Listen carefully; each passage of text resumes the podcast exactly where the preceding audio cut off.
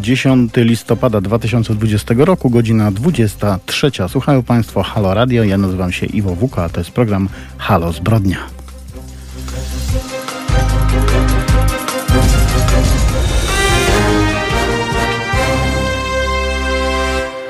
Dzień dobry, przyszliśmy panu zrobić samobójstwo. To cytat z filmu Patryka Wegi Służby Specjalne od 1990 roku Mm, doszło do wielu samobójstw ludzi, którzy w jakiś sposób byli lub mogli być niewygodni dla władzy, posiadając wiedzę, przez e, którą, jak mówił sam Ryszard Kuciński, wiele karier politycznych wyleciałoby w powietrze. Historie o samobójstwach ważnych ludzi powtarzały się tak często, że opinia publiczna przestała wreszcie wierzyć w te informacje. Czy coś się zmieniło w związku z tym? Nic. No może tylko tyle, że seryjny samobójca ucichł na chwilę, lecz e, wrócił, kiedy znów zaczął być potrzebny. Niezwykle trudno będzie przytoczyć wszystkie te sprawy w dwie godziny, ale kilka z nich z pewnością zasługuje na szczególną uwagę. Jedną e, z najgłośniejszych spraw przypisywanych seryjnemu mm, samobójcy z pewnością jest e, śmierć Andrzeja Lepera. Andrzej Leper był polskim politykiem, rolnikiem i związkowcem, założycielem i pierwszym przewodniczącym Partii Samoobrona Rzeczypospolitej Polskiej i Związku Zawodowego e, Rolnictwa Samoobrona. Był posłem na Sejm w latach 2001-2007, wicemarszałkiem Sejmu czwartej i piątej kadencji, posłem do Parlamentu Europejskiego w 2004 roku, ministrem rolnictwa i Rozwoju Wsi oraz wicepremierem e, w rządzie Kazimierza Marcinkiewicza, a następnie w rządzie Jarosława Kaczyńskiego. Czterokrotnie kandydował do urzędu prezydent, e, na urząd prezydencki w latach 1995, 2000, 2005 i 2010. W 2011 roku grzmiał z mównicy poselskiej, oskarżając wielu czołowych polityków o korupcję i powiązania z mafią. Wielu ludzi twierdzi, że te 8 minut zdecydowało o tym, że Andrzej Leper wydał na siebie wyrok śmierci. Posłuchajmy zatem tego przemówienia. To chciałbym powiedzieć tak. Może przejdźmy teraz do konkretnych spraw, które musi Polska usłyszeć i my zażądamy odpowiedzi na to. Kto sprzedał FSM Bielsko-Biała? Straty według Najwyższej Izby Kontroli 20 miliardów 326 milionów złotych. Ojciec chrzestny jeden z ojców chrzestnych Platformy Obywatelskiej. Czy postępowanie się toczy? Olechowski dopuścił się przestępstwa. Nie, co to za przestępstwo? 20 miliardów? To przecież żadna kwota. Brakuje dwa, to sięga się do kieszeni wyborców, ludzi najbiedniejszych. Kto odpowiada za prywatyzację PZU SA i PZU Życie? Strata 37 do 40 miliardów złotych. Pan Wąsacz, nie ma go, to już nie od was jest. Chyba z samoobrony on jest. Kto sprzedał PKO SA? 10 miliardów straty. TPS SA, pani Sowińska, 4 miliardy straty. Stocznia Gdańska, panie marszałku Płażyński. Pana sprawa, pana sprawa, jak już powiedziałem, kolebki nie potrafiliście uratować, a wy Polskę chcecie ratować.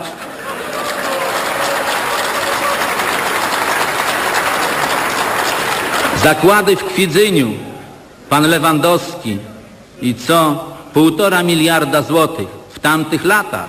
To dzisiaj razy dwa pomnożyć trzeba. I siedzi podparty, spokojny, a jakże, dobrze się żyje, dobrze się żyje. Następnie Gerber, Ali, Alima, Polkolor, strata miliard, pan Lewandowski. Szczęście, szczęście, że Trybunał wczoraj uchwalił, że immunitet przestępców chronić nie będzie. Wy ich szukacie w samoobronie, my ich znajdziemy. My was znajdziemy. Przypomnijcie sobie moje słowa z tej trybuny. My was znajdziemy. Prokuratorzy wezmą się za was. A pana postępowanie, panie Lewandowski, w Krakowie powinno być dawno wznowione. Jakoś wykładnie Trybunał dał tylko teraz, kiedy w Sejmie jest samoobrona. Dlaczego nie zrobił tego wcześniej? Była jasna wykładnia. My mówiliśmy cały czas, że była jasna ona. Postępowanie musi się toczyć. Czy ja kiedykolwiek powiedziałem, że nie chcę sądzony być? Chcę. Pisma składałem do sądów. A wy jakoś nie składaliście przedtem. Nie wiem, czego się baliście, ale wiadomo, Jak nie wiemy o co chodzi, to wiemy o co chodzi. Browar Leżajsk, no to już pan Kaczmarek. I teraz ja chciałbym, powiem to, co, co miałem, po... nie więcej, więcej jest, ale to tak tylko przykłady rzucamy. Ale panie pośle, nie polemizujmy, bo nie o to chodzi, żebym tu polemizował z panem. Sprawa, sprawa tych bogaczy polskich. Ja chciałbym spytać, bo jestem w posiadaniu dokumentów, dokumentów i świadków. Powtarzam, jestem w posiadaniu. Ja nie jestem tutaj sędzią, żebym mówił, że są winni. Panie pośle Piskorski, czy prawdą jest, że w hotelu Victoria spotykał się pan czterokrotnie z niejakim panem S. Było to 7 marca 98 roku i wtedy wręczył panu 50 tysięcy dolarów. Drugi raz 16 lipca 99 roku wręczył panu 120 tysięcy dolarów. Trzeci raz 23 październik 110 i czwarty raz 17 kwiecień pośle- 2000 rok 150. Panie Marszałku Leper, przepraszam bardzo. Czy Pan Marszałek jest e, pewien, że Pan chce to wszystko powiedzieć, co Pan mówi? Tak, jestem Jest Pan pewien. tak? Jest Pan także świadom odpowiedzialności za te słowa. Oczywiście. Ja pytam. Ja jestem w posiadaniu Nie, nie, dokumentów, które panie- ujawnię prokuraturze. Panie pośle, Pan marszałku, przecież nie pyta, Pan stwierdza. Więc... Ja pytam, panie marszałku, pan, przepraszam, pan marszałek mnie nie słuchał. Nie, nie, ja słucham, zapytałem, zapytałem, czy jest prawdą. Tak było, czy nie było tak? Tak było dokładnie, chyba nagrane też jest. Panie, panie Marszałku, pan, do, pan dobrze wie, że są pytania, które są stwierdzeniami. I to, Nie są właśnie, I to stwierdzeniami. właśnie Pan w tej chwili robi. Panie marszałku. Może Pan to robić dalej. Ja Pana przecież, y, Panu przecież Czy głosu pan- nie odbieram. Ja Pana tylko przestrzegam, że to, co Pan w tej chwili robi, jest y, zagrożone także sankcją karną i Dobrze, nie wiem, czy warto to czynić. Proszę, dziękuję, zrozumiałem. Że pan Olechowski 17 listopada 2000 roku o godzinie 18 w kawiarni czy restauracji u Grosslera przyjął Gresslera. Tak, przepraszam. Obojętnie jak wiemy o co chodzi, to wiecie o co chodzi. A, to dobrze, że wiecie o co chodzi. Myślałem, że nie wiecie. Wiecie o co chodzi. Kwotę Niech, niech odpowie po prostu, bo prokurator spyta o to. Ja zwrócę się do prokuratora, bo ja, powtarzam, sędzią nie jestem. Przyjął kwotę około dwóch milionów dolarów na kampanię wyborczą. Wam nie trzeba pieniędzy na partię. Wam na kampanię nie trzeba pieniędzy. No po co wam? Te billboardy to wam z nieba spadają. Aniołki płacą za to. Tak? Te kampanie to też ciekawa sprawa z waszej strony. Po co wam pieniądze? Wam nic nie trzeba. A czy jest prawdą, że również, no niestety posłowie Sojuszu Lewicy, też zapytam prokuratora, pan minister Cimoszewicz w hotelu Wiktoria 4 marca 2001 roku, tak, kiwajcie głowami, ja wiem co mówię, zapuszkujecie mnie, pchajcie, znajdziecie dyspozycyjnych sędziów, tylko wysłuchajcie, 120 tysięcy dolarów. Następnie pan minister Szmajdziński, Carringtona pan zna, 50 tysięcy. Ja pytam, czy tak było? I do sądu, do prokuratury te dokumenty trafią. Co zrobi prokuratura? Zobaczymy. A może byście panowie tak pojechali razem, pan Szmajdziński, pan Tusk i pan Cimoszewicz na mecz do Wrocławia, Śląsk-Wrocław. Pojedźcie tam na ten mecz. Tam w hotelu Wrocław między 9 a 9.30 20 kwietnia 2001 roku jeden z Was, nie wiecie, który to, to porozmawiajcie z sobą, podobno, ja nie, nie twierdzę, że tak było, podobno otrzymał kwotę 350 tysięcy dolarów od niejakiego pana S. Jeszcze pan Schetyna też widział to. Panie Tusk, sprawa spotkania pana z nieżyjącym Pershingiem. Nie wiem, czy miała miejsce, może pan zaprzeczycie na pewno temu. E, 10 lipca 98 roku, gdzie podobno pożyczył panu 300 tysięcy złotych.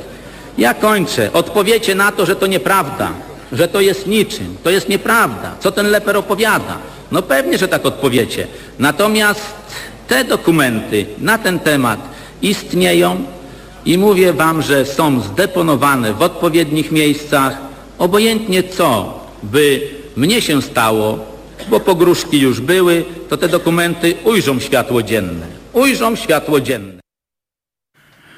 Było to chyba jedyne tak ostre wystąpienie polityka w Sejmie w powojennej Polsce. Nawet Jarosław Kaczyński, który e, z pewnością wie więcej dzisiaj niż wiedział Leper, e, kiedy krzyczy z mównicy sejmowej, nie ucieka się do rzucania nazwiskami i kwotami. Wydaje się zatem, że wszystko ma swoje granice, nawet walka z korupcją i złodziejstwem. Andrzej Leper nie znał niestety granic, ale też nie znał siły swoich przeciwników. A ta, jak się później miało okazać, była ogromna. 5 sierpnia 2011 roku Andrzej Leper został znaleziony martwy w biurze partii w Warszawie. W toku zakończonego postępowania prokuratorskiego ustalono, że popełnił samobójstwo poprzez powieszenie się. Według e, ustaleń śledztwa polityk cierpiał na depresję e, wywołaną postępowaniami karnymi, upadkiem politycznym, wielotysięcznym zadłużeniem i bankructwem finansowym partii. Po jego śmierci pojawiły się teorie negujące ustalenia śledztwa. Według nich polityk miał zostać zamordowany albo ktoś miał zmusić go do popełnienia samobójstwa. Prezentował je m.in. dziennikarz Wojciech Sumliński, powołując się na funkcjonariusza Agencji Bezpieczeństwa Wewnętrznego Tomasza Budzyńskiego i wskazując, że motywem miały być kompromitujące polityków informacje, w których posiadanie miał wejść Andrzej Leper. E, wersję o samobójstwie wykluczył e, również Janusz Maksymiuk, współpracownik polityczny Andrzeja Lepera, wskazując na planowanie przez, przez lidera samoobrony nowej kampanii wyborczej. E, śledztwo w sprawie śmierci polityka zostało umorzone. Przyczyną tego działania był brak dowodów na to, by do jego zgonu przyczyniły się działaniem lub zaniechaniem inne osoby. Wieloletni współpracownik Andrzeja Lepera, Stanisław Izdebski, uważa jednak, że prokuratura celowo zamiotła pod dywan kilka istotnych tropów. Jak tłumaczy Izdebski, Andrzej nigdy nie otwierał okna, nie, nie znosił bałaganu, był pedantem. Nagle w dniu jego śmierci okna są otwarte. Wszędzie jest syf i brud. To jest niemożliwe. Rusztowanie obecne w dniu śmierci było postawione pod oknem Lepera. Nie miało to sensu, ponieważ remont był zakończony. W momencie jego śmierci wyłączony został monitoring. Wydano komunikat, że nie było prądu, ale prąd był. Działała lodówka, programy na komputerze. Dlaczego safe został otwarty? Tego nikt nie wie. Zawartości sejfu nigdy nie znaleziono. Choć e, jako oficjalną przyczynę śmierci polityka podano samobójstwo z rozpaczy z powodu ogromnej ilości długów, Sławomir Izdebski uważa, że lider samoobrony nie był typem człowieka, który nawet przytłoczony lawiną problemów targnąłby się na własne życie. Podejrzane dla Izdebskiego są także mm, pewne nieścisłości i e, zagrania z sekcją zwłok, ponieważ jak mówi mm, o to, jak zginął Andrzej Leper, trzeba by zapytać osób, które to widziały. Chyba mało kto wierzy, że mógł sobie odebrać życie. Jego długo, długi e, wykorzystywano e, jako pretekst. To nie była śmierć samobójcza, mówi Izdebski. Trzeba było czasu na analizę wielu sytuacji. Jest wiele rzeczy, które prokuratura musi wyjaśnić. Wstrzymano sekcję zwłok, nie wykonano jej natychmiastowo. Większość tych samobójstw to najprawdopodobniej podanie ofiarom pawulonu, który odbiera wszelkie możliwości ruchu. To okropna śmierć. Wykrycie tej substancji w ciele jest możliwe tylko 24 godziny po fakcie, mówi dalej Izdebski. Zdaniem Izdebskiego polityk został zamordowany na zlecenie, a samobójstwo zostało upozorowane. Jak wynika z sugestii Izdebskiego, Leper był niewygodny dla e, wielu różnych osób ze środowiska politycznego. W szczególności miało to dotyczyć Platformy Obywatelskiej. E, to morderstwo było zlecone, mówi Izdebski. Czas pokaże. Wystarczy ustalić, kto był w łazience z Andrzejem Leperem. Dokumenty, które on posiadał, wysadziłyby PO na wieki wieków. Posiadał wiedzę o największych aferach. Andrzej Leper miał wiele informacji, które wstrząsnęłyby wymiarem sprawiedliwości. Miał ujawnić szokujące dokumenty Jarosławowi Kaczyńskiemu. Te dokumenty zostały skradzione. Następnie jego prawnik, który posiadał kopię, również został zamordowany. I co ciekawe, Andrzej Leper zmarł w piątek, tak samo zresztą jak Ryszard Kuciński. Tak tłumaczył dziennikarzom rzecznik prokuratury okręgowej w Warszawie Dariusz Ślepokura. Naprawdę tak się nazywa. Nie można było przeprowadzić sekcji zwłok, gdyż ani w sobotę, ani w niedzielę zakłady medycyny sądowej nie pracują. W przypadku zabójstwa jednego z najbardziej wpływowych polityków przecież prokurator ma obowiązek wezwać lekarza medycyny sądowej, a ten ma obowiązek wstawić się e, w LMS bezwłącznie. Taka sama sytuacja miała miejsce w przypadku mecenasa Ryszarda Kucińskiego, adwokata Lepera, który posiadał kopię dokumentów będących realnym zagrożeniem dla wielu polityków z tak zwanego świecznika. Śmierć nastąpiła w piątek wieczorem, a sekcję przeprowadzono w poniedziałek. Śladów po, Pawu- po Pawulonie oczywiście nie wykryto. Przypomnijmy tylko, że w tajemniczych okolicznościach zmarła również Róża Żarska, adwokatka Lepera, która najprawdopodobniej była w posiadaniu kolejnych kopii dokumentów, którymi Leper straszył ważnych polityków. Żarska zmarła w lipcu 2011 roku w Moskwie. Kolejnym współpracownikiem Andrzeja Lepera był Wiesław Podgórski, doradca, e, jego doradca do spraw kultury i dziedzictwa narodowego w czasie, gdy ten był ministrem rolnictwa. Odpowiadał za budowę na polach Grunwaldu pomnika upamię, upamiętniającego bitwę pod Grunwaldem, co wzbudzało wiele kontrowersji. Pod koniec czerwca 2011 roku popełnił oczywiście samobójstwo.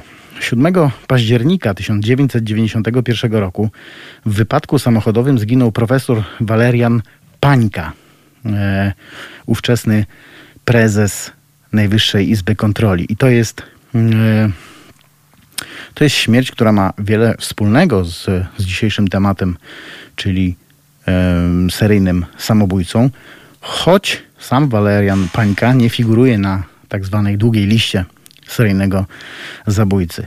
Za dwa dni miał w Sejmie wygłosić wystąpienie na temat afery FOZ. To był największy pre- przekręt przełomu PRL-u i trzeciej RP.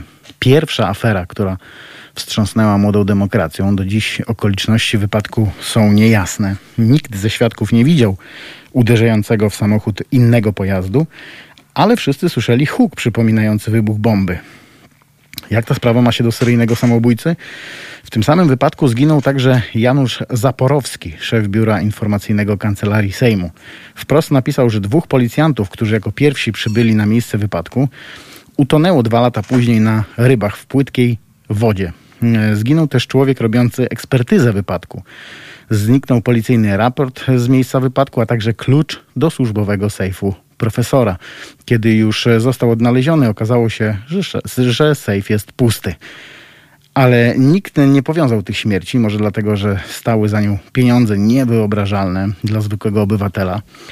A w aferach, które e, badał Pańko, padały już nie tylko nazwiska mafiozów, dawnych esbeków, ale czołowych polityków, wymienionych później jako autorytety. E, kierowca Pańki został uznany winnym nieumyślnego spowodowania śmierci i skazany na e, wieloletnie więzienie. Wkrótce również zmarł. Trzy miesiące wcześniej, 18 lipca 1991 roku, zmarł Michał Felsman, e, kontroler NIK-u badający sprawę FOZ. Najpierw mówiono o samobójstwie, innym razem o nieświadomym przedawkowaniu leków, aż w końcu za przyczynę śmierci podano zawał serca. Na czele funduszu stanął człowiek e, komunistycznego wywiadu wojskowego. W jego władzach byli politycy, którzy przez całe lata odgrywali istotną rolę w życiu publicznym. Śledztwo powierzono zaufanemu prokuratorowi i przez lata robiono wszystko, aby winni gigantycznej defraudacji nigdy nie ponieśli zasłużonej kary. Aferzyści z FOZ mogli się czuć bezkarni, ponieważ e, w całe przedsięwzięcie byli zaangażowani funkcjonariusze służb specjalnych. Wiele nowych informacji i dowodów w sprawie afery e, FOZ wniosło opublikowanie raportu z weryfikacji wojskowych służb informacyjnych autorstwa niejakiego Antoniego Macierewicza. Raport ujawniał e, nieznane wcześniej przepływy finansowe z FOZ, osoby zaangażowane w aferę, a przede wszystkim związki Grzegorza Rzemka z komunistycznymi służbami wojskowymi. Podobnie jak innych udziałowców, FOZ zresztą. Afera FOZ była przez wiele lat tuszowana. Robiono wszystko, by e, odpowiedzialni za grabież pieniędzy nie ponieśli żadnej odpowiedzialności, zaś osoby, które zajęły się opisywaniem i wyjaśnianiem afery, były narażone na ataki. Przekonał się o tym innymi e, wydawca Marcin Dybowski, który w 1992 roku opublikował książkę profesorów Mirosława Dakowskiego i Jerzego Przystawy pod tytułem Via Bank i FOZ o rabunku finansów Polski.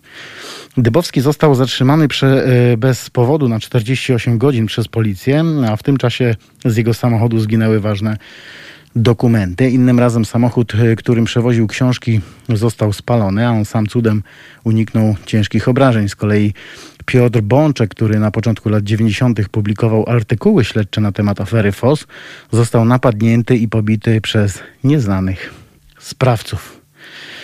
Jednym ze świadków procesu w sprawie FOS był Anatol Lawina. W 1991 roku dyrektor zespołu analiz systemowych którego podpis widnieje na raporcie NIK w sprawie afery FOZ. Anatol Lawina w czasach PRL-u był działaczem opozycyjnym. Internowany po wyjściu na wolność został współpracownikiem Prymasowskiego Komitetu Pomocy Osobom Pozbawionym Wolności i ich rodzinom oraz współzałożycielem Obywatelskiego Komitetu Przeciwko Przemocy. W 1989 roku został zatrudniony w Najwyższej Izbie Kontroli. Zajmował stanowisko dyrektora zespołu analiz systemowych. W 1992 roku został zwolniony z NIK przez ówczesnego prezesa Izby, profesora Lecha Kaczyńskiego. Powodem takiej decyzji były fatalne wyniki departamentu, któremu, e, którym kierował Lawina i praktycznie brak wykonywania działań kontrolnych. W czasie procesu FOZ Lawina podawał w mediach odmienne wersje przebiegu afery i uczestników, sprawiał wrażenie osoby ciężko przestraszonej. W 2006 roku, gdy ważyły się losy ostatecznego wyroku w sprawie afery FOS, Anatol Lawina został ciężko pobity przez nieznanych sprawców. Zmarł kilka miesięcy później. Córka zmarłego w 1991 roku w tajemniczych okolicznościach kontrolera Najwyższej Izby Kontroli, Zuzanna Falzman, e, mówiła jednej z gazet, że po tym, jak jej ojciec odkrył nieprawidłowości i gigantyczny rabunek pieniędzy z FOZ, e, otrzymywali serię pogróżek. Dziennikarka dodaje, że prawdziwi sprawcy są wciąż na wolności, a skazano i to na śmieszne e, wyroki jedynie płotki. Dodała również, że gdy jej ojciec odkrył nadużycia z Funduszu Obsługi Zadłużenia Zagranicznego, miała 13 lat, e, chodziła do szkoły podstawowej. Ojciec otrzymywał wtedy anonimowe pogróżki. Grożono śmiercią jemu, ale też całej rodzinie. Pamięta, że były takie momenty, gdy nie chodziła do szkoły, bo rodzice bali się jej tam puszczać. Zdarzały się sytuacje, że wracali z wyjazdu do splądrowanego pod ich nieobecność mieszkania. Porozrzucane były książki i dokumenty na podłodze. Nie były to włamania rabunkowe, bo nic e, nie zginęło. Były też próby zastraszania, na przykład wracali do domu, a wszystkie kable, między innymi od telewizora i telefonu, były odcięte nożyczkami, tak jakby chciano im przekazać, aby nie dotykać tej sprawy. To teraz zapraszam na przerwę.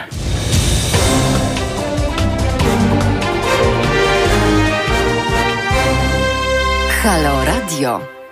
10 listopada 2020 roku, godzina 23.29. Halo Zbrodnia w Halo Radio. Seryjny samobójca dopadł też Artura Zirajewskiego, pseudonim Iwan. Według śledztwa popełnił on samobójstwo 3 stycznia 2010 roku, czyli w niedzielę, kiedy zakłady medycyny sądowej nie pracują i jest czas, żeby wszystko, co znalazło się w jego organizmie, mogło się E, upłynnić. Iwan był płatnym mordercą, jednym z głównych świadków w sprawie zabójstwa komendanta głównego policji Marka Papały. W chwili śmierci przebywał w gdańskim więzieniu, gdzie odbywał wyrok za e, działalność w tzw. Klubie płatnych zabójców. Według TVN24 miał on otruć się po otrzymaniu tajemniczego grypsu. Zirajewski zeznał, że w kwietniu 1998 roku w Gdańsku brał udział w spotkaniu, podczas którego szukano kogoś, kto podejmie się zabójstwa komendanta głównego e, policji nadinspektora Marka Papały. W spotkaniu, jak twierdził, uczestniczył na zaproszenie Andrzeja Banasiaka, e, pseudonim Słowik, biznesmena Edwarda Mazura oraz Nikodema Skotarczaka, pseudonim Nikoś. To właśnie zeznania Zirajewskiego obciążyły w sprawie Edwarda Mazura. Prawdopodobnie znał on również zabójcę nadinspektora Marka Papały. 25 czerwca 98, dwie godziny przed śmiercią, Marek Papała był w Wilanowie na przyjęciu imieninowym u emerytowanego generała brygady MSW w PRL-u Józefa Sasina przy ulicy Wiktorii Wiedeńskiej. To tak zwana Zatoka Czerwonych Świń. W mieszkaniu znajdowali się generał Józef Sasin, jego żona Janina oraz syn Jacek z żoną. Był też amerykański biznesmen polskiego pochodzenia Edward Mazur ze swoim kierowcą. Nadinspektor Papała zjawił się na ulicy Wiktorii Wiedeńskiej około godziny 20. Mniej więcej godzinę wcześniej wyszedł stamtąd były funkcjonariusz Służby Bezpieczeństwa Hipolit Starszak z żoną. Początkowo to Mazur miał od, e, odwiedzić w domu Papałę około godziny 19.30. Papała i Mazur rozmawiali przez telefon. Chcieli doprecyzować miejsce spotkania. Mieli ustalić szczegóły wyjazdu Papały do Stanów Zjednoczonych. Komendant główny policji Jan Michna proponował Papale wyjazd do Brukseli i stanowiska oficera łącznikowego. Nadinspektor Marek Papała nigdy wcześniej nie był w domu Sasinów. Widywali się na imprezach u innych znajomych. Przez telefon Józef Sasin wyjaśnił, jak znaleźć mieszkanie. Marek Papała przyjechał po około 20 minutach. Zjawił się na imieninach przypadkiem. Był zaskoczony, że no, obchodzona jest uroczystość. Nie pił alkoholu, bo prowadził samochód. Według relacji Józefa Sasina Papała rozmawiał z Mazurem o wyjeździe do Stanów Zjednoczonych. Zaraz po Papale, około pół godziny później, z domu Sasinów wyszedł Edward Mazur. Wcześniej proponował nadinspektorowi, by pojechali razem. Nadinspektor Ma Marek Papała nie skorzystał z tej propozycji i wyszedł sam. Pojechał na dworzec centralny, skąd miał odebrać matkę, która przyjeżdżała do niego w odwiedziny. Pociąg się spóźniał, więc wrócił tymczasowo do domu. Według ustaleń prowadzących śledztwo Marek Papała w czwartek 25 czerwca 1998 roku około godziny 22 podjechał samochodem marki Deu Espero pod budynek przy ulicy Wincentego Rzymowskiego 17 w Warszawie, gdzie znajdowało się jego mieszkanie. Został zastrzelony przy e, swoim aucie. Sprawca oddał strzał w głowę z pistoletu z tłumikiem. Pocisk z wystrzału utkwił w oparciu fotela pojazdu i został odnaleziony przez policjantów prowadzących oględziny. Mimo e, postawienia zarzutów w sprawie zabójstwa nadinspektora Marka Papały nieznany jest wciąż motyw zbrodni. E, wskazywanych jest kilka prawdopodobnych powodów, wśród których e, najbardziej prawdopodobnym jest obawa ujawnienia przez nadinspektora organizatorów międzynarodowego przemytu narkotyków. Proceder e, ten e, monopolizowali współpracujący z Edwardem Mazurem gangster Jeremiasz, Barański, pseudonim Baranina oraz Andrzej Zieliński, pseudonim Słowik. Publicysta Sylwester Latkowski wskazuje na spór rodzinny lub obawę ujawnienia korupcji w strukturach policyjnych związanych e, z ustawianiem przetargów na zakup sprzętu dla policji.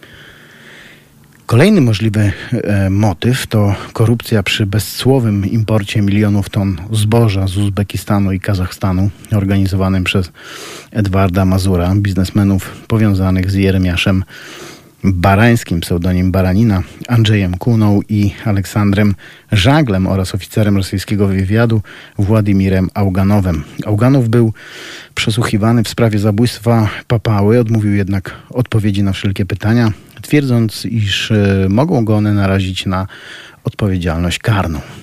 Inny motyw związany jest z działalnością mafii paliwowej, na który powołuje się były komendant wojewódzkiej policji w Katowicach, nadinspektor Mieczysław Kluk. Rzekomo na krótko przed śmiercią nadinspektor Marek Papała miał nakazać Mieczysławowi Klukowi obserwację przywódców tej grupy przestępczej oraz poinformować o ich powiązaniach z urzędnikami państwowymi. Iwan e, to nie jedyny człowiek powiązany ze śmiercią Marka Papały, który miał popełnić, popełnić samobójstwo. Jeremiasz Barański, pseudonim Baranina, pozostawał postacią bliżej nieznaną do momentu zabójstwa byłego ministra sportu Jacka Dębskiego w kwietniu 2001 roku. Morderstwo to ściągnęło na niego powszechne zainteresowanie, bowiem został oskarżony o jego zlecenie i następnie aresztowany pod tym właśnie zarzutem. Jego proces toczył się przed austriackim sądem. Barański nie przyznał się do winy, sugerując, jakoby zabójstwo Dębskiego miało tło polityczne. 8 kwietnia 2003 roku w jego celi znaleziono telefon komórkowy, z którego prowadził rozmowy ze świadkami zeznającymi w procesie Haliny Galińskiej, pseudonim Inka, oskarżonej o pomoc w zabójstwie Dębskiego. Następnego dnia Barański trafił do wiedeńskiego szpitala po wypiciu płynu do mycia naczyń. Najprawdopodobniej chciał w ten sposób odroczyć termin własnej rozprawy. 7 e, maja tego samego roku, około godziny 5 nad ranem w jednoosobowej celi znaleziono ciało Barańskiego. E, powiesił się na pasku przymocowanym do zasuwy okiennej. Na kilka dni przed śmiercią wniósł oskarżenie przeciwko austriackim policjantom, e, którym zarzucał m.in. łapownictwo. Śledztwo przeprowadzone w sprawie jego zgonu wykluczyło oczywiście udział osób trzecich w tym e, zdarzeniu. Już po śmierci jego nazwisko pojawiło się w gronie domniemanych zleceniodawców mm, zabójstwa byłego komendanta głównego policji nadinspektora Marka Papały. W sprawie tajemniczego porwania i jeszcze bardziej tajemniczej śmierci Krzysztofa Olewnika również działał seryjny samobójca. Krzysztof Olewnik, syn płockiego przedsiębiorcy Włodzimierza Olewnika i Ewy Olewnik został porwany, po czym zamordowany pomimo przekazania porywaczom okupu. Za winnych zabójstwa zostali uznani Robert Pazik, pseudonim Pedro oraz Sławomir Kościuk. Obaj zabójcy, a także osadzony na etapie postępowania prokuratorskiego w tej samej sprawie domniemany szef grupy przestępczej Wojciech Franiewski. Krzysztof Olewnik, e, syn Włodzimierza Olewnika, przedsiębiorcy branży mięsnej, został porwany w nocy z 26 na 27 października 2001 roku ze swojej willi, willi w Świerczynku na przedmieściach Drobina. Po imprezie, w której udział brali policjanci z Płocka. Dwa dni później porywacze zażądali od rodziny porwanego okupu w wysokości 300 tysięcy dolarów. 24 lipca 2003 roku okup w wysokości 300 tysięcy euro przekazano porywaczom po nałożonej przez porywacze karze w wysokości 50 tysięcy dolarów za nieposłuszeństwo. Okup wynosił 350 tysięcy dolarów, po czym porywacze zamienili kwotę na 300 tysięcy euro. Torba z pieniędzmi e, została zrzucona w Warszawie z trasy AK na ulicę Gwiaździstą, która przebiegała pod nią. Sprawcy wywiercili wcześniej dziurę w ekranie dźwiękochłonnym, aby rodzina mogła zrzucić torbę z trasy. Porywacze podjęli ten okup, jednak uprowadzony nie został uwolniony. 5 września 2003 roku Sławomir Kościuk i Robert Pazik zamordowali Krzysztofa Olewnika, po czym e, zakopali jego zwłoki. Według ustaleń śledztwa Robert Pazik nałożył na głowę e, porwanego e, kilka toreb foliowych i przytrzymywał jego głowę tak, aby się udusił, przytrzymując jednocześnie nozdrze. Przed śmiercią Krzysztof Olewnik przetrzymywany był w nieludzkich warunkach, bity i zmuszany do przyjmowania leków psychotropowych. Według jednej z tez branej pod uwagę na początku śledztwa, następnie zarzuconej i ponownie analizowanej, Krzysztof Olewnik mógł upozorować własne porwanie, lecz porywacze nie chcąc się dzielić z młodym olewnikiem okupem, postanowili go zabić. Ciało olewnika zostało odnalezione 28 października 2006 roku w lesie koło e, Różana pod Ostrołęką. Miejsce ukrycia zwłok wskazał skazany później za to zabójstwo Sławomir Kościuk. W 2007 roku prokurator e, okręgowej, prokuratury okręgowej w Olsztynie wszczął śledztwo, w którym ustalane były nieznane okoliczności porwania i zabójstwa Krzysztofa Olewnika oraz e, badane nieprawidłowości przy dotychczasowych postępowaniach w tej sprawie. W maju 2008 roku sprawa została przeniesiona do Gdańska. Postanowieniem prokuratury z prokuratury apelacyjnej w Gdańsku, prowadzącego postępowanie karne w sprawie nieprawidłowości w uprzednim śledztwie w sprawie porwania i zabójstwa, 26 stycznia 2010 przeprowadzono ekshumację zwłok Krzysztofa Olewnika. Zwłoki zostały poddane sekcji i badaniom DNA w celu ich wiarygodnej identyfikacji. 9 marca 2010 potwierdzono, że ekshumowane zwłoki należą do Krzysztofa Olewnika. Śledztwo w sprawie uprowadzenia, a następnie zamordowania Krzysztofa Olewnika były prowadzone w latach 2002-2008. 31 marca 2008 roku Robert Pazik i Sławomir Kościuk zostali uznani za winnych zabójstwa i skazani przez Sąd Okręgowy w Płocku na dożywotnie pozbawienie wolności. Pozostali oskarżeni zostali skazani na kary od jednego roku w zawieszeniu na 3 lata do 15 lat pozbawienia wolności, a jeden z oskarżonych został uniewinniony. 8 grudnia 2008 roku Sąd Apelacyjny w Warszawie utrzymał w mocy wyrok dożywotniego pozbawienia wolności dla Roberta Pazika. E, zabójcy Krzysztofa Olewnika, czyli Franiewski, Kościuk i Paziuk, Pazik zostali znalezieni martwi w celach więziennych. Według służby więziennej i właściwych e, prokuratorów prowadzących śledztwa były to samobójstwa bez ingerencji osób trzecich. I wracamy za chwileczkę.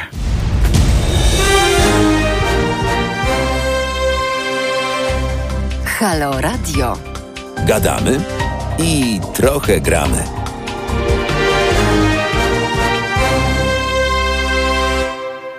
Halo Zbrodnia w Halo Radio i WWK z tej strony. Wciąż mamy ten sam dzień, czyli godzinę, czyli 10 listopada, godzina 23.47.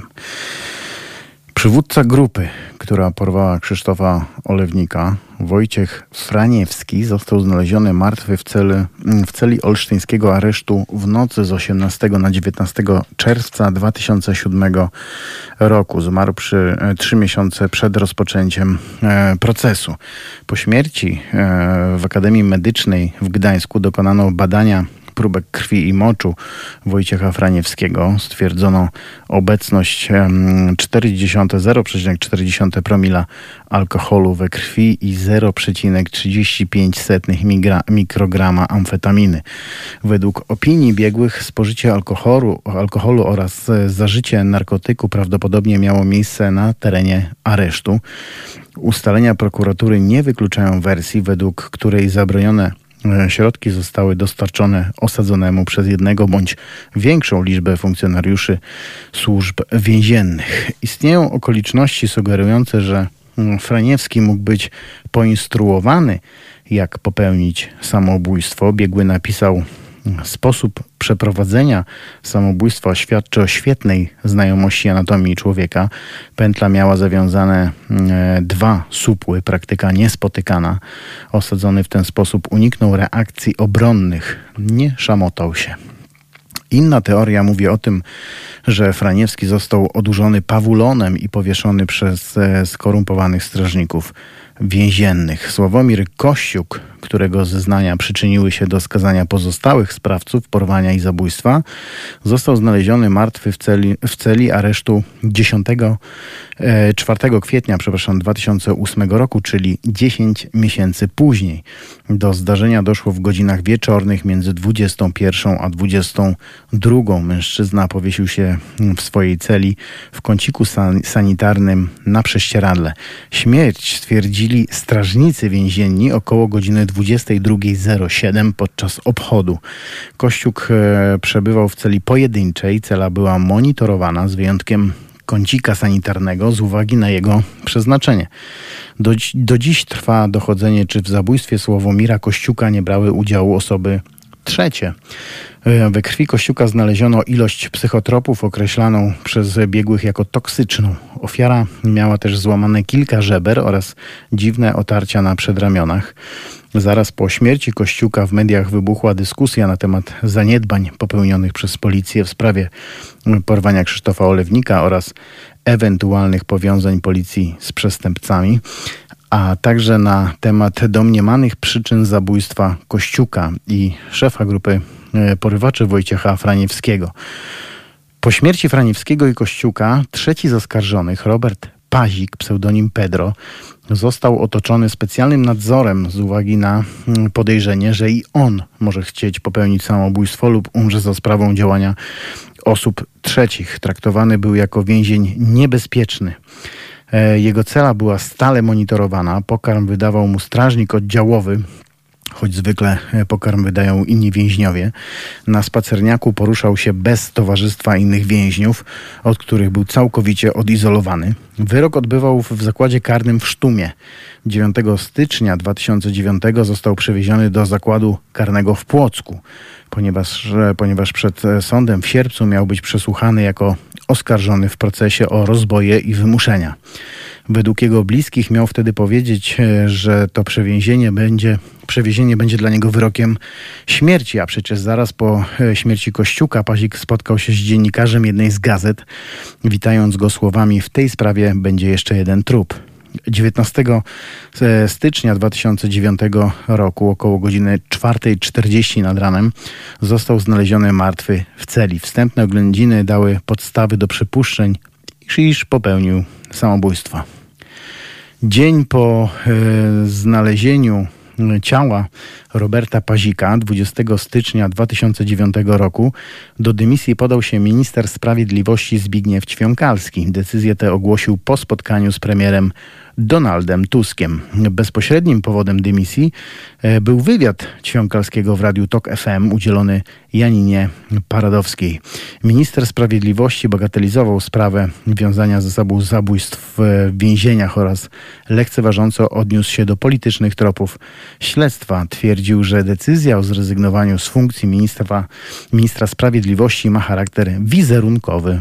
Sprawcy, którzy jednocześnie byli świadkami, odeszli i wydawać by się mogło, że, e, że sprawę można zamknąć, zamieść pod dywan ale niekoniecznie. Mariusz K., strażnik, który w 2007 roku znalazł w celi martwego Wojciecha Franiewskiego, szefa gangu, który porwał i zamordował Krzysztofa Olewnika, również popełnił samobójstwo. Miało to miejsce zaraz po śmierci trzeciego z podejrzanych. E, strażnik Mariusz K na miejsce e, swojego domniemanego samobójstwa wybrał celę, w której Franiewski popełnił również samobójstwo, wieszając się.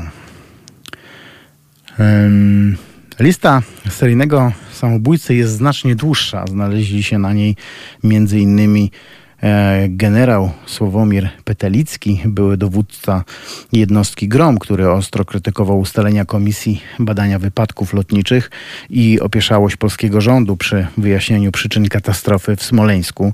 Według oficjalnej informacji generał zastrzelił się z broni służbowej. E, kiedy wiele lat temu rozmawiałem z jego bratem, ten powiedział mi, że Sławomir Petelicki nie miał skłonności samobójczych, nie cierpiał na depresję i nie wierzy w to, że jego brat popełnił samobójstwo. Grzegorz Michniewicz, polski urzędnik, od 4 stycznia 2008 aż do śmierci dyrektor generalny Kancelarii Prezesa Rady Ministrów Donalda Tuska.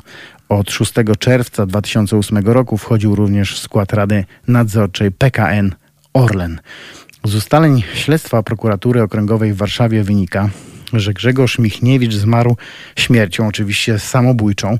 Działania prokuratury wzbudziły jednak wątpliwości. Najbliższy przyjaciel Paweł Gutowski, który rozmawiał z nim ostatni, także wskazuje na kilka niewyjaśnionych faktów. Dariusz Szpinieta, ekspert i prezes spółki lotniczej Ad Astra Executive Charter SA. Zawodowy pil pilot, instruktor pilotażu, wielki miłośnik lotnictwa. E, kilkakrotnie wypowiadał się w mediach na temat katastrofy smoleńskiej, mówiąc, że lot Tu-154 był lotem wojskowym. Szpinieta zawiadomił również prokuraturę o podejrzeniu korupcji w Urzędzie Lotnictwa Cywilnego. W roku 2011 został znaleziony martwy w łazience podczas wakacji w Indiach. Przyczyną śmierci, jak ustalili śledczy, było samobójstwo przez powieszenie. Jerzy Pronobis, był prezesem spółki Club and Travel zajmującej się rozprowadzaniem biletów na Euro 2012 w Polsce i na Ukrainie. Pojawiały się głosy, że dystrybucja biletów na Mistrzostwa Europy przebiegała w atmosferze korupcji i układów. Oficjalnie podaje się, że Pronobis popełnił samobójstwo, rzucając się pod pociąg. Ireneusz Sekuła, polski polityk, działacz partyjny, poseł na Sejm, w 1988 minister pracy i polityki socjalnej, w latach 88-89 wicepremier w rządzie Mieczysława Rakowskiego. Wedle ustaleń e, poczynionych w wyniku śledztwa było to oczywiście samobójstwo. Ireneusz Sekuła strzelił sobie trzy razy w brzuch, raz nie trafiając. Ze względu na okoliczności śmierci wysuwano jednak różne hipotezy alternatywne. W zeznaniach członków gangu pruszkowskiego rzekome zabójstwo Ireneusza Sekuły miało związek e, z długami. Stanisław Faltynowski, kelner z hotelu, w którym spotykali się członkowie mafii paliwowej z prokuratorami, politykami i oficerami służb, zmarł w 2001 roku. Oficjalnie jego śmierć uznano za samobójstwo. Zdzisław Majka, jeden z sześciu baronów paliwowych i kluczowy świadek w tej sprawie, zmarł w lutym 2002 roku. Jego zgon również uznano za samobójstwo, a syna, który zabiegał o sekcję zwłok i rzetelne śledztwo, wsadzono na trzy miesiące do aresztu. Za utrudnianie śledztwa. Szymon Zalewski zmarł 29 listopada 2004 roku. Oficjalnie popełnił samobójstwo. Ochroniarz BOR i kierowca Zbigniewa Sobotki, posła SLD, skazanego w tzw. Tak aferze starachowickiej, ułaskawionego przez Aleksandra Kwaśniewskiego. Remigiusz Muś technik pokładowy Jaka 40, który wylądował w Smoleńsku tuż przed Tu-154. Otwarcie mówił, że słyszał przez radio, jak kontrolerzy lotów zezwolili załodze prezydenckiego samolotu zejść na 50 metrów. Prokuratura od razu poinformowała, że było to samobójstwo. Barbara Blida zmarła 25 kwietnia 2007 roku. Posłanka popełniła samobójstwo w trakcie akcji ABW w jej domu. E, przyczyną śmierci był postrzał w klatkę piersiową. Kobieta była podejrzewana o pomocnictwo w przekazaniu łapówki w śledztwie związanym z tak zwaną mafią węglową. Okoliczności śmierci były posłanki pozostawały niejasne. W krytycznej chwili z Barbarą Blidą przebywała funkcjonariuszka ABW. Film stanowiący nagranie z akcji rejestruje jedynie wejście funkcjonariuszy ABW do domu Blidów oraz rozmowę z mężem Barbary Blidy. Dawid Kostecki, 38-letni były bokser, był świadkiem warszawskiej prokuratury, tej samej, która teraz bada okoliczności jego śmierci. W areszcie w Białołęce znalazł się tylko na chwilę. Tu go ulokowano, by miał bliżej do sądu i mógł złożyć zeznania, jednak proces odwołano. Tajemnicza śmierć Dawida Kosteckiego, który miał popełnić samobójstwo, ma jeszcze inny wymiar. Bokser już nic nie powie o suterenach z Podkarpacia i tym, dlaczego przez lata byli nietykalni, a w tej sprawie był właśnie przesłuchiwany. Ciało e, byłego pięściarza znaleźli 2 sierpnia nad, nad ranem. Współwięźniowie aresztu śledczego Warszawa Białołęka oficjalnie podano, że powiesił się w nocy na sznurze uplecionym z prześcieradła, leżąc na łóżku pod kocem. I za chwilę wracamy do programu.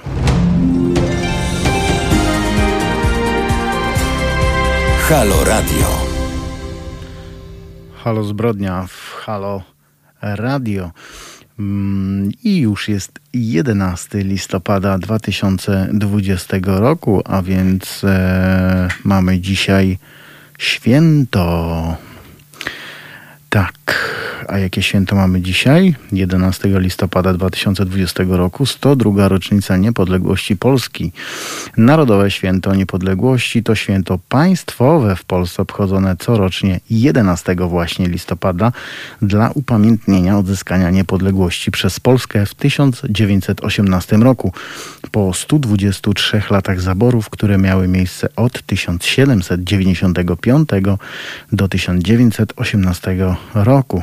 Święto zostało ustanowione ustawą z dnia 23 kwietnia 1937, zniesione ustawą Krajowej Rady Narodowej 22 lipca 1945 i przywrócone ustawą w okresie transformacji systemowej w 1989 roku.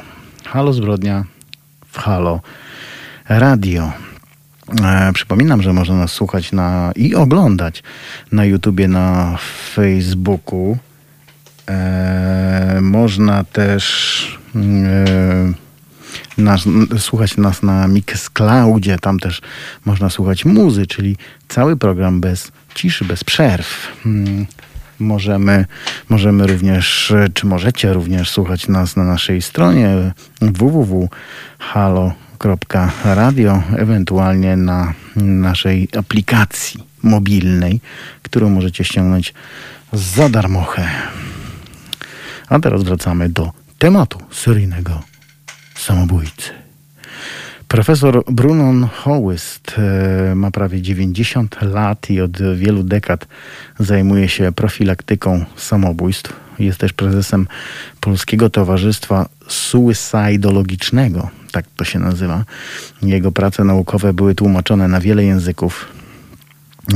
Trudno o większy autorytet w tej dziedzinie, dlatego też e, profesora Hołysta, jeśli chodzi o samobójstwa, nie jest w stanie wiele zdziwić. Jak przyznaje w rozmowie z jednym z dziennikarzy, samobójstwa za kratami były, są i będą oczywiście funkcjonariusze służby więziennej powinni robić wszystko, by do nich nie dochodziło. Jednak czasem jest to wręcz niewykonalne, choćby skazani byli pod najbardziej ścisłą kontrolą. Cała grupa przywódców grupy e, Bader-Meinhof, trzymana w więzieniu w RFN, na pewno była ciągle trzymana na oku, a jednak udało im się popełnić samobójstwa, przypomina profesor Hołyst, wydarzenia z drugiej połowy lat 70. Jego zdaniem, gdy ktoś jest zdeterminowany, aby pożegnać się z życiem, trudno go powstrzymać. Rodzina e, nie wierzy w samobójstwo e, cygana Kosteckiego. Czy Dawid e, Cygan Kostecki był zdeterminowany? E, rodzina w to nie wierzy ani trochę. Jak e, dowiedziała się mm, e, jedna z gazet, bliscy pięściarza zgłosili się do znanego warszawskiego adwokata, aby im pomógł w ustaleniu faktycznych okoliczności śmierci. Kostecki aniołem co prawda nie był. Ten ostatni jego pobyt w więzieniu był już trzecim z kolei w jego przestępczej karierze, nie licząc pobytu w areszcie.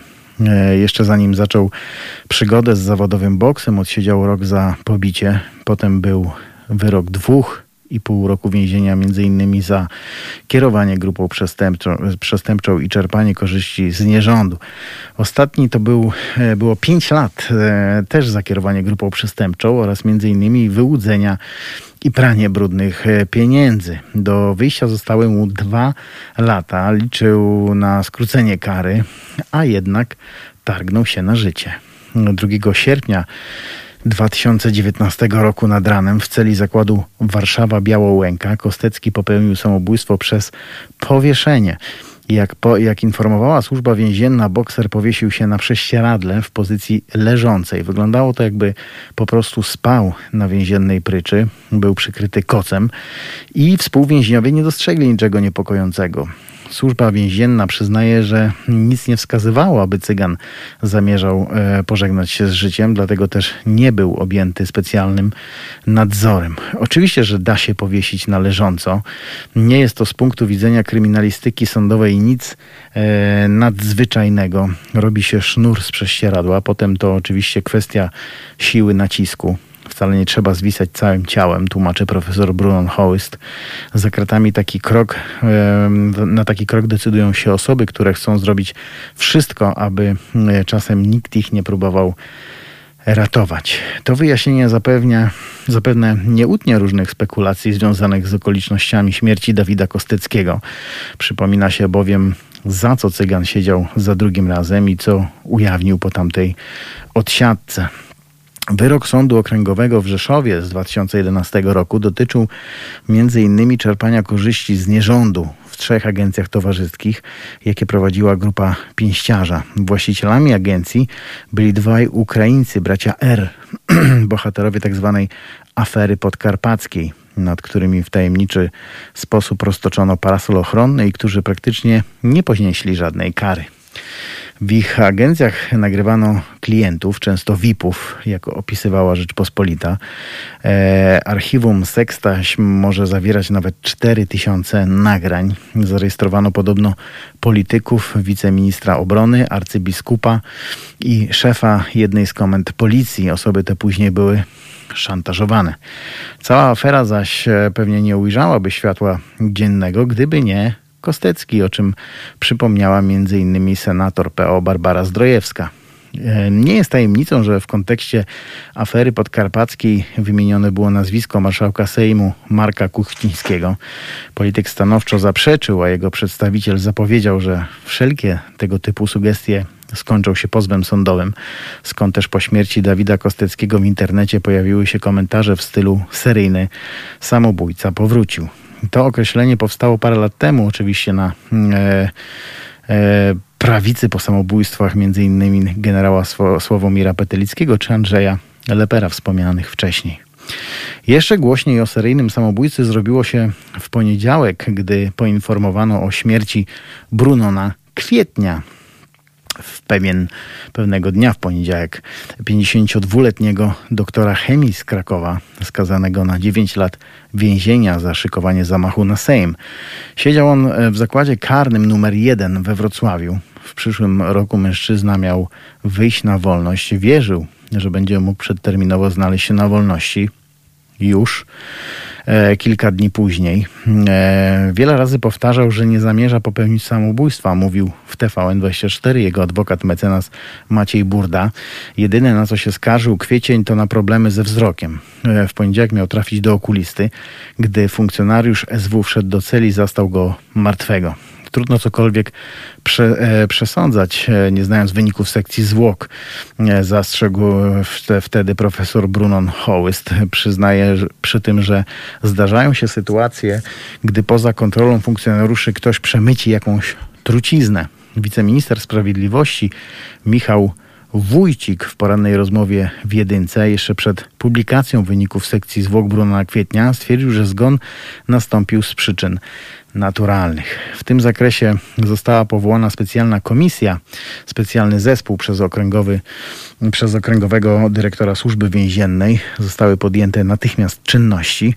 Jednocześnie prokuratura rozpoczęła swoje działania. Ze wstępnych informacji, e, które mam, mogą, mogę poinformować, że z przyczyn naturalnych doszło do śmierci. Nie było ani udziału osób trzecich, ani nie było samobójstwa, poinformował wice minister. Michał Wójcik przypomniał, że w zakładach karnych przebywa obecnie 75 tysięcy więźniów. Jak stwierdził, rocznie z przyczyn naturalnych umiera około 145 osób. Statystyki służby więziennej mówią o ponad 80 zgonach, e, zgonach z przyczyn naturalnych w 2018 roku. Mm, z przyczyn nienaturalnych rocznie odnotowywanych jest kilkadziesiąt zgonów. W tabelach statystycznych służby więziennej określone jest to jako zgon z powodu autoagresji. Co istotne, gdy dokona się przeliczenia liczby samobójstw na 10 tysięcy więźniów, okazuje się, że w Polsce sytuacja jest znacznie lepsza niż w wielu krajach Unii Europejskiej. Wychodzi jedno samobójstwo raz na kilkanaście dni, to i tak o wiele mniej niż jeszcze dekadę temu. Na przykład w 2009 roku za kratami doszło do 41 udanych samobójstw. Wychodzi więc, że wtedy do samobójstwa w więzieniu dochodziło co 8-9 dni. Dane statystyczne z 2019 obejmują pierwszą połowę, roku. Do końca stycznia nastąpiło 11 samobójstw w polskich więzieniach.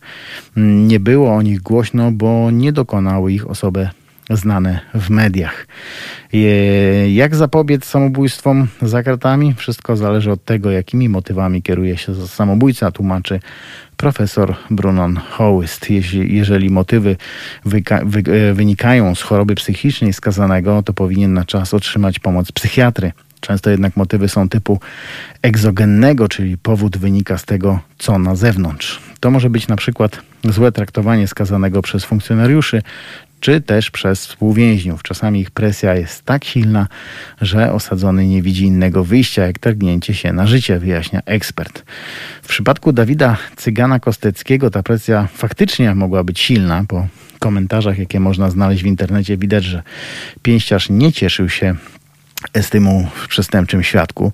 Gdy się wpisze w Google nazwisko boksera, jako pierwsze kolejne słowo wyskakuje confident.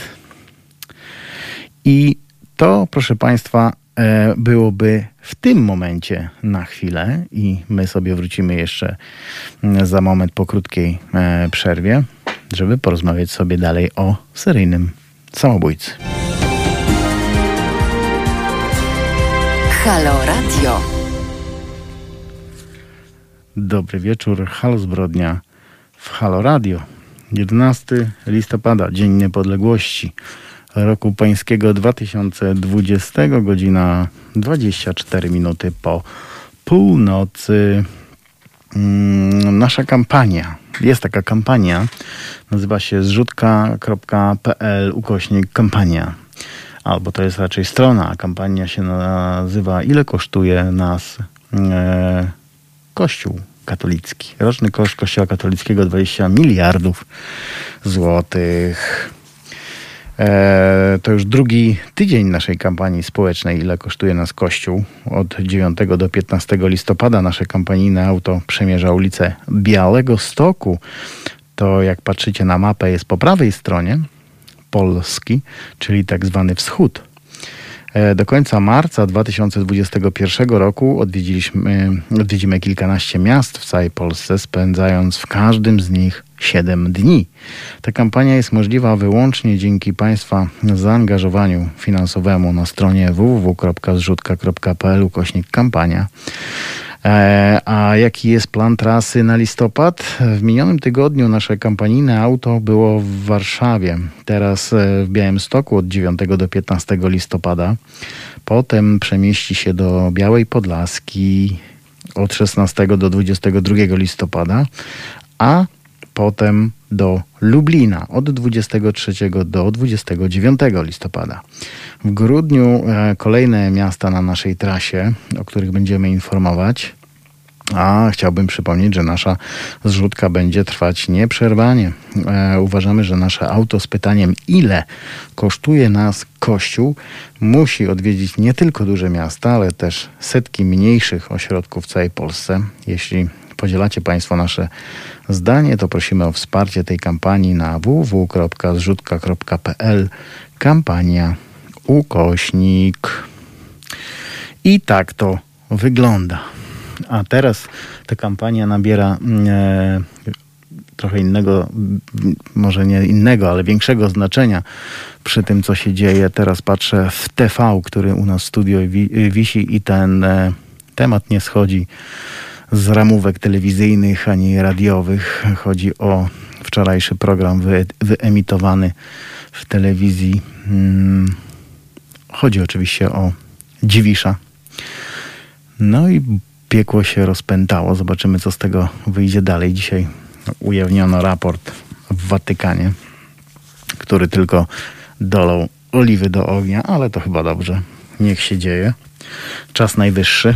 Także ta kampania wbija się idealnie w obecną sytuację i w temat, który został poruszony. A naszym e, dzisiejszym tematem jest seryjny samobójca. Samobójstwo jest niezależnie od tego, w jakim zakątku świata mm, zostanie popełnione, prywatnym dramatem, sprawą intymną, zewnętrznym przejawem istnienia demonów, które każdy z nas nosi w sobie, a które czasem okazują się silniejsze e, od nas. Samobójstwo jest tak rozumiane w każdym kraju świata, z wyjątkiem współczesnej Polski. Kilka, e, kilka miesięcy, chyba, czy e, kilka lat temu, jakich miesięcy, to było 2000 bodaj 12, to 8 lat temu, e, pojawiła się informacja o śmierci prokuratora prokuratury generalnej 58-letniego Marka A. Mężczyznę znaleziono w jego domu powieszonego oczywiście. Marek A. przed śmiercią napisał list pożegnalny. Wiadomo też, że od pewnego czasu zmagał się z bardzo poważną chorobą. Gdyby taki wypadek zdarzył się w dowolnym zakątku świata, wywołałby współczucie dla prokuratora, który nie miał już siły walczyć i u co niektórych refleksje nad sensem bólu i cierpienia. A współczesna Polska jest jednak pod tym względem wyjątkowa. Oto bowiem na internetowych forach, miejscu, w którym współczesny Vox Populi e, słychać najdonośniej, natychmiast zawrzało samobójstwo. Tylko winni wierzą, że urzędnik państwowy, państwowy może popełnić samobójstwo.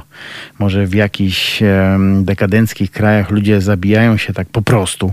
Polak, a w dodatku Polak na państwowej posadzie, może co najwyżej polec w walce o wolność naszą i waszą, tudzież gdy nie ma kogo e, wyzwalać w walce o prawdę. E, a o jaką prawdę walczy się w Polsce?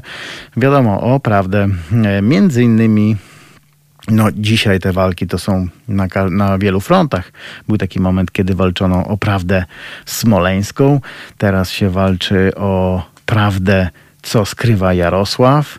Ewentualnie jeszcze o prawa e, ludzi do wolności, które te e, prawa są skrzętnie e, zamiatane gdzieś tam do kanału przez miłościwie nam panujących.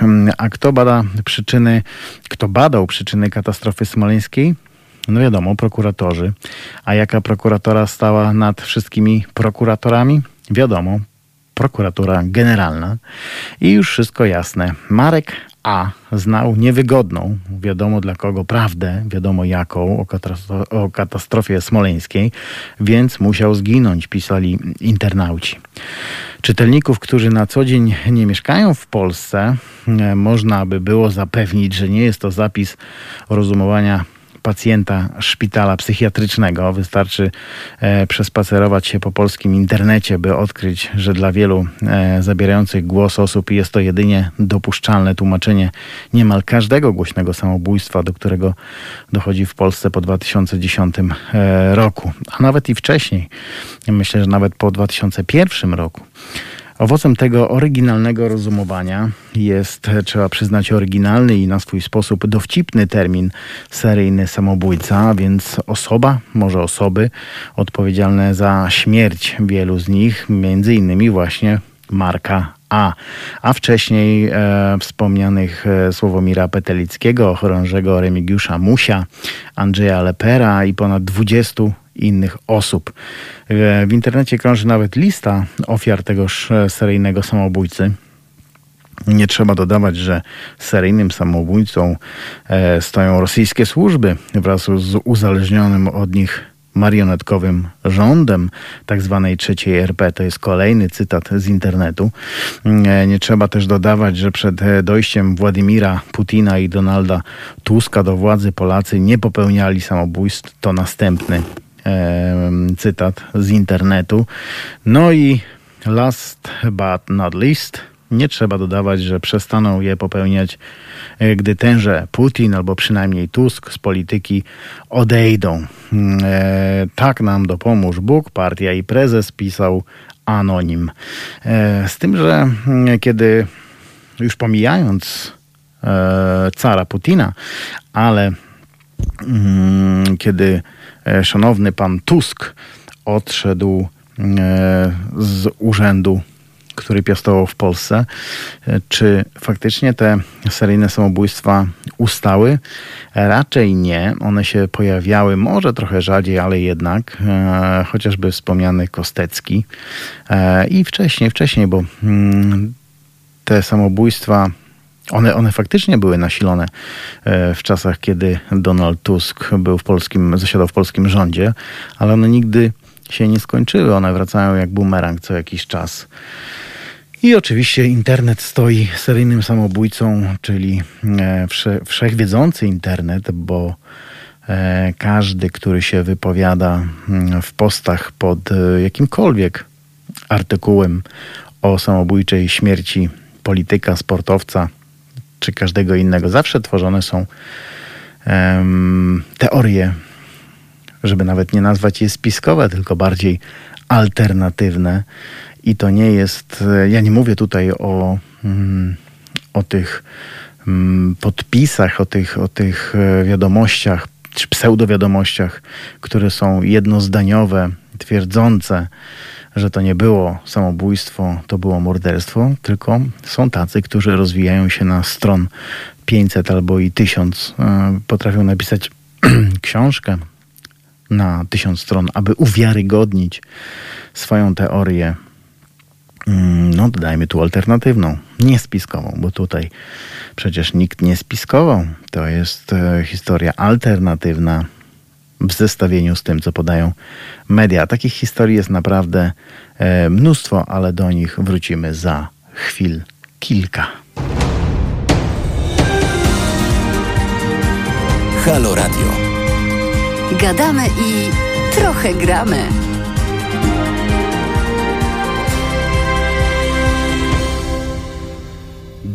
Dobry wieczór, a może już i dzień dobry, bo już jest nowy dzień i tego nowego dnia mamy aż 39 minut, albo dopiero 39 minut.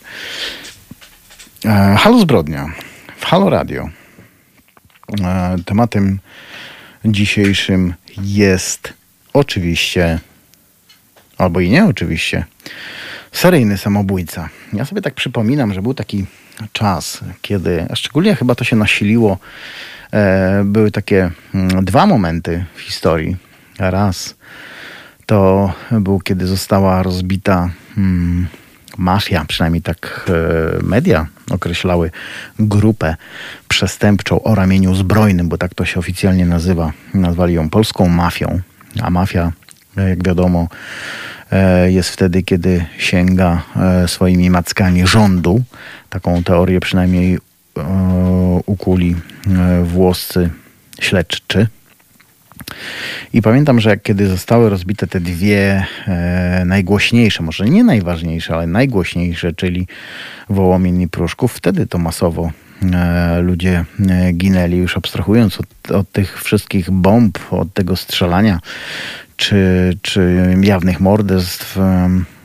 Były też e, momenty, szczególnie trafiały się w zakładach karnych, e, czy też e, w chwili, kiedy ten, te osadzenie, to osadzenie w zakładzie karnym zbliżało się wielkimi krokami. Wtedy seryjny samobójca szalał w Polsce. I druga historia, a może nawet i trzy, bo druga historia to była z Leperem, a, a wcześniej była jeszcze taka historia z, z, ze Smoleńskiem. Tam też się działy cudawianki. Czy można je wszystkie mm, przypisać? mm, do, do seryjnego e, samobójcy. Nie wiem, to jest coś, e, to jest temat podobny, może nie podobny, ale e, wydźwiękiem podobny do, do tego słynnego klubu 27, gdzie jak Państwo pewnie słyszeli, e, artyści, znani artyści na całym świecie, szczególnie ci z USA, e, którzy e, umierali czy z przedawkowania, czy z czy z mm, samobójstwa, które też było pokłosiem jakiegoś tam uzależnienia narkotykowego. Wszystkich przepisywali do e, klubu 27 i, i mm, to jeszcze mm, jakby nie, nie niosło się tak bardzo jak sprawa, gdzie pewien dziennikarz z New York Timesa wyciągnął całą listę tego klubu 27. Tu chodziło o to, że ci wszyscy artyści mieli poniżej 27 roku życia. I kto nie miał 27 lat, czy tam 28, tak do 27, e, wskakiwał na tą listę, kiedy e, trafiał, jak to się mówi, six feet under. E, I ta lista sobie krążyła, była przedrukowywana w gazetach, mówiono o niej w filmach dokumentalnych, fabularnych. Było o niej głośno, je- jest zresztą głośno do dzisiaj. I pewien dziennikarz z New York Timesa postanowił sprawdzić te wszystkie em, samobójstwa. Większość to były samobójstwa albo przedawkowania e, narkotyków. No i wyknął taką teorię, że albo bo były dwie tego samego dziennikarza. Albo większość tych e, śmierci była sfingowana z jakiegoś powodu, jak ostatnio choćby mm, e, głośna sprawa z Michaelem Jacksonem, albo grasował seryjny samobójca, który szantażował gwiazdy, miał od nich wyłudzać pieniądze, a kto nie chciał płacić, bo czuł się zbyt pewnie, trafiał do piachu. Te teorie e, były mm, rozdmuchane bardzo mocno e, w mediach. Ten dziennikarz się tłumaczył później, dlaczego, skąd, skąd takie pomysły, skąd, e, skąd takie teorie. Mm, Ale smród, że tak powiem, już został. I, a jeszcze w dobie internetu, wiadomo, jak to się wszystko rozprzestrzenia. Coś podobnego działo się właśnie e, w Polsce kilka razy. Każda jedna śmierć, nieważne czy to było samobójstwo, czy to nie było samobójstwo, ważne, że człowiek miał e, znane nazwisko. że był osobą znaną w mediach.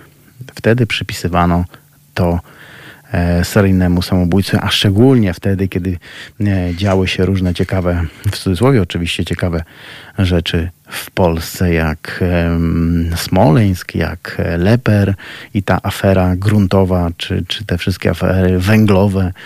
I, I nie daj Bóg, żeby tam któryś zmarł w tym czasie. Od razu samobój. Nie wiem, co Państwo na to. E, Karel Smetana, szef PO w Olsztynie, popełnił samobójstwo w 2019 roku. Nikt nie robił afery, a przecież można było wys wysnuwać teorie spiskowe, bo przecież krytykował PiS. Może miał materiały ich obciążające. No tak, no nikt nie robił e, afery. Trochę to e, przycichło, gdyby e, podobny mm, Podobna, e, podobne samobójstwo miało miejsce, dajmy na to, w 2010-2011. Pewnie mówiłoby się o e, seryjnym samobójcy. E, ten sam e, słuchacz pisze, że chyba chodzi o lepera, tak? Że to nawet e, poszlaki nie są tylko przypuszczenia, poza tym ile czasu minęło od przemówienia do momentu śmierci lepera.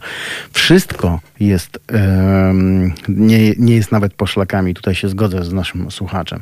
To wszystko są teorie spiskowe, ewentualnie teorie, tak jak mówiliśmy, teorie e, alternatywne, historia alternatywna tych, e, tych, tej śmierci.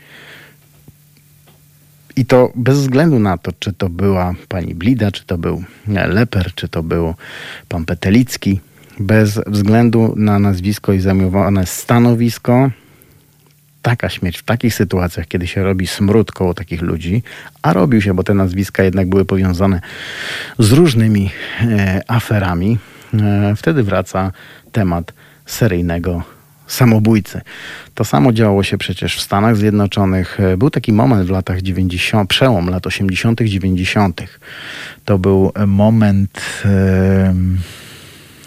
mniej więcej w tym czasie, kiedy, kiedy upadł mur berliński, mniej więcej w tym czasie, kiedy e, kiedy upadło, no że nie upadło, tylko wtedy, kiedy zaczęli ścigać, tak na poważnie zaczęli ścigać e, byłych agentów Stasi, e, kiedy e, zaczęto ścigać, była taka afera w Niemczech przecież po zjednoczeniu się Niemiec, gdzie wypłynęła lista szpiegów rosyjskich i amerykańskich, nie wiadomo kto to puścił i to jeszcze nie było przecież wtedy internetu, nie hulało tak to w necie, to były przedrukowywane wydrukowane listy, listy te, tych, tych nazwisk w gazetach.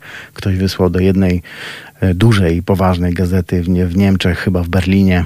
Potem to przedrukowały inne i znów zaczęło się e, zaczął się seryjny samobójca. E, począwszy od ludzi, którzy widnieli na tej liście, a skończywszy na dziennikarzach, którzy je ujawniali, na informatorach, których dziennikarze nie chcieli ujawnić, a którzy jakimś cudem się znajdowali, i przez polityków. W latach 70. bodajże w Nowym Jorku. Też była taka afera o seryjnym samobójstwie. Tam sobie to szybko poradzili. Wyciszono to dekretem, w cudzysłowie dekretem oczywiście, bo takich dekretów nikt by przecież nie, nie wystawił, nie podpisał, ale e, umownie dziennikarze mówili, że jest to dekret e, zakazujący mówienia o seryjnym samobójcy, samobójcy w mediach, e, bo psuło to w jakiś sposób. E, śledztwo, mm, które było prowadzone przez e, większe agencje e, rządowe niż policja, czyli FBI, a nawet wchodziło w to, nie, nie, pamiętam, chyba CIA nie, ale były tam te inne rządowe agentury, których jest cała masa w Stanach Zjednoczonych. Sprawę szybciutko wyciszono, E, potem się okazało, że to nie był seryjny samobójca, że to był mentalny krach e, w grupach, pewnych grupach politycznych, które nie wytrzymały presji. Tam chodziło o e, afery związane z korupcją i matactwem na giełdach bodaj, wyciąganiem jakichś olbrzymich, olbrzymich pieniędzy. Tak, to było w 70 latach, bodaj 76, 77, jak dobrze pamiętam, nawet mm, e, Michael Michael Foster, Michael Foster, Foster chyba, napisał e, książkę o tamtych wydarzeniach, która hmm, sprzedawała się całkiem, całkiem. Hmm, bodaj to była tylko jedna jego książka, to był profesor, który zajmował się e, psychologią chyba, jeśli dobrze pamiętam napisał tę książkę, rozmawiał z wieloma prominentnymi e, politykami, e, dziennikarzami, którzy wtedy właśnie ujawnili w tej książce, ujawnili e, informacje, jakie dotarły do nich, czy te, te właśnie dekrety, jak oni to nazwali, e, z rządu Stanów Zjednoczonych, aby nie używać takiego sformułowania e, seryjny samobójca. Także to nie jest polski wymysł. Takie rzeczy działy się za granicą. No w Rosji, w Rosji oczywiście e, trudno mówić o seryjnym samobójcy, bo i tak wszyscy wiedzą o co chodzi.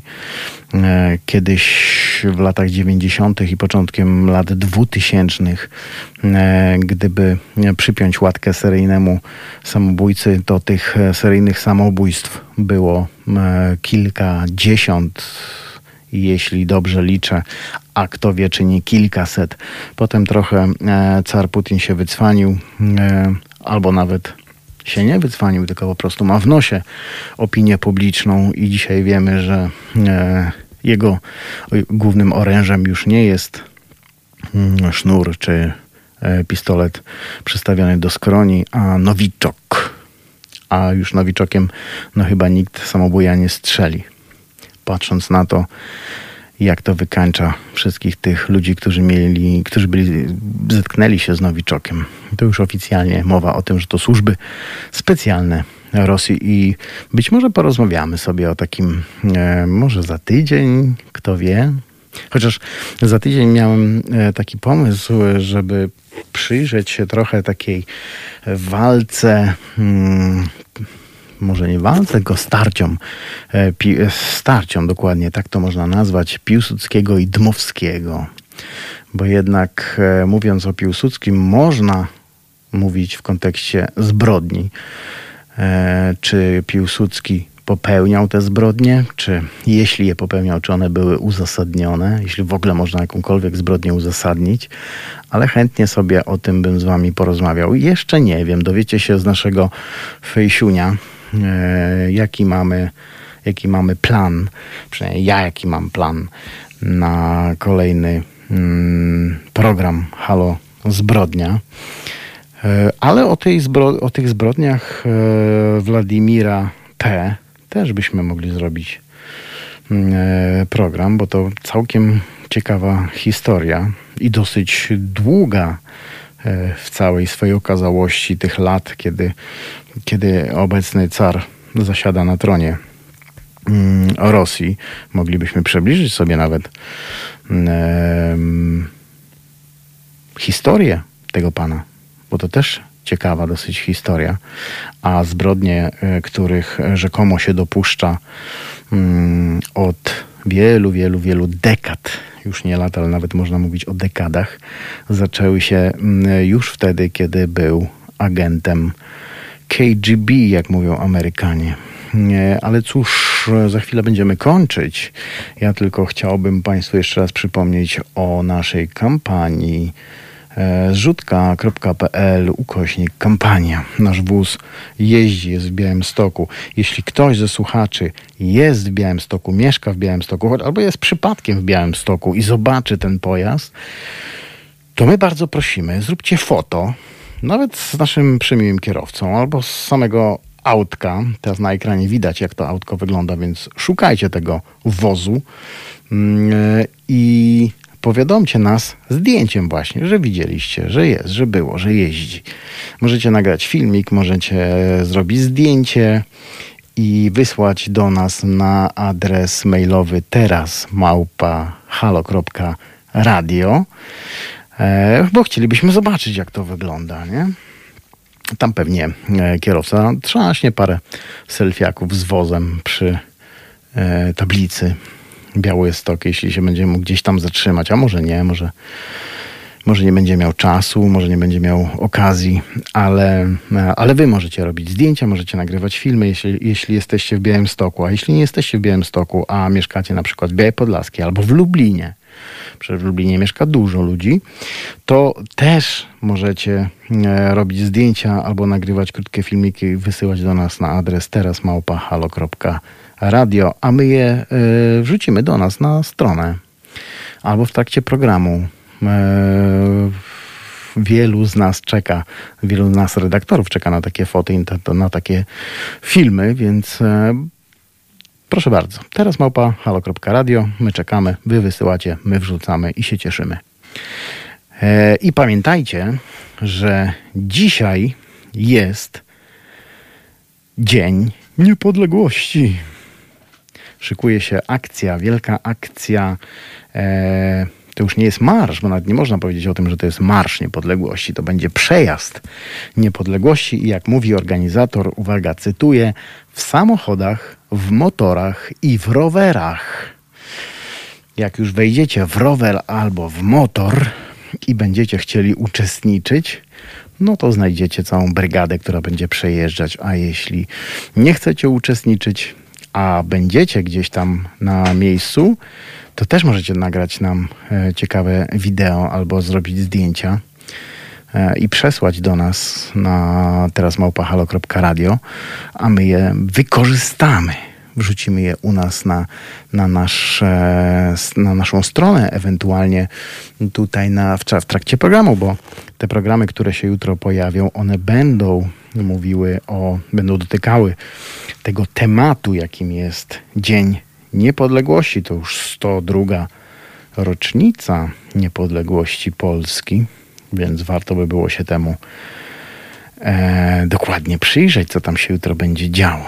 Z tego co wiem, to e, protest kobiet robi sobie wolne. E, chyba pani Lempart, nasza koleżanka redakcyjna i kobieta, która mm, stoi na czele protestu kobiet, jeśli dobrze pamiętam, to chyba ona mówiła o tym, że zajmą się czyszczeniem internetu od faszystowskich e, komentarzy i haseł i agitacji faszystowskiej, co też no, ktoś to musi robić, bo internet sam się nie wyczyści. Ale i dobrze, niech, niech nie wchodzą w konfrontację z tymi ludźmi, którzy jutro się wybierają na tą swoją manifestację automobilową, bo i po co? Niech Ach, i jutro ma być muza na żywo, yy, chyba na żywo, albo z jakichś tam głośników ma jechać przodem jakiś potężny samochód. Nawet nie będę zgadywał, jaka to będzie muzyka. E, a nasi reporterzy też tam będą. Jak zobaczycie e, naszych ludzi z naszymi mikrofonami, to pomachajcie do nich, bo oni też tam będą i też będą przyglądać się całej tej temu przejazdowi. Bo powtarzam, to nie jest marsz, to jest przejazd niepodległości. W samochodach, w motorach i w rowerach. Dobra, e, koniec tego e, smutowania. E, jutro nie, jutro mamy, co, ja, jutro mamy wolne od pracy. Oczywiście, przecież nie radio. W radio jesteśmy Kto ma, ten ma. cały czas na żywo. Obudziła się nasza Joanna. Tak, kto ma, ten ma. Mm, ja mam jutro wolne, ale moi koledzy redakcyjni nie mają wolnego i będą tutaj z wami na żywca.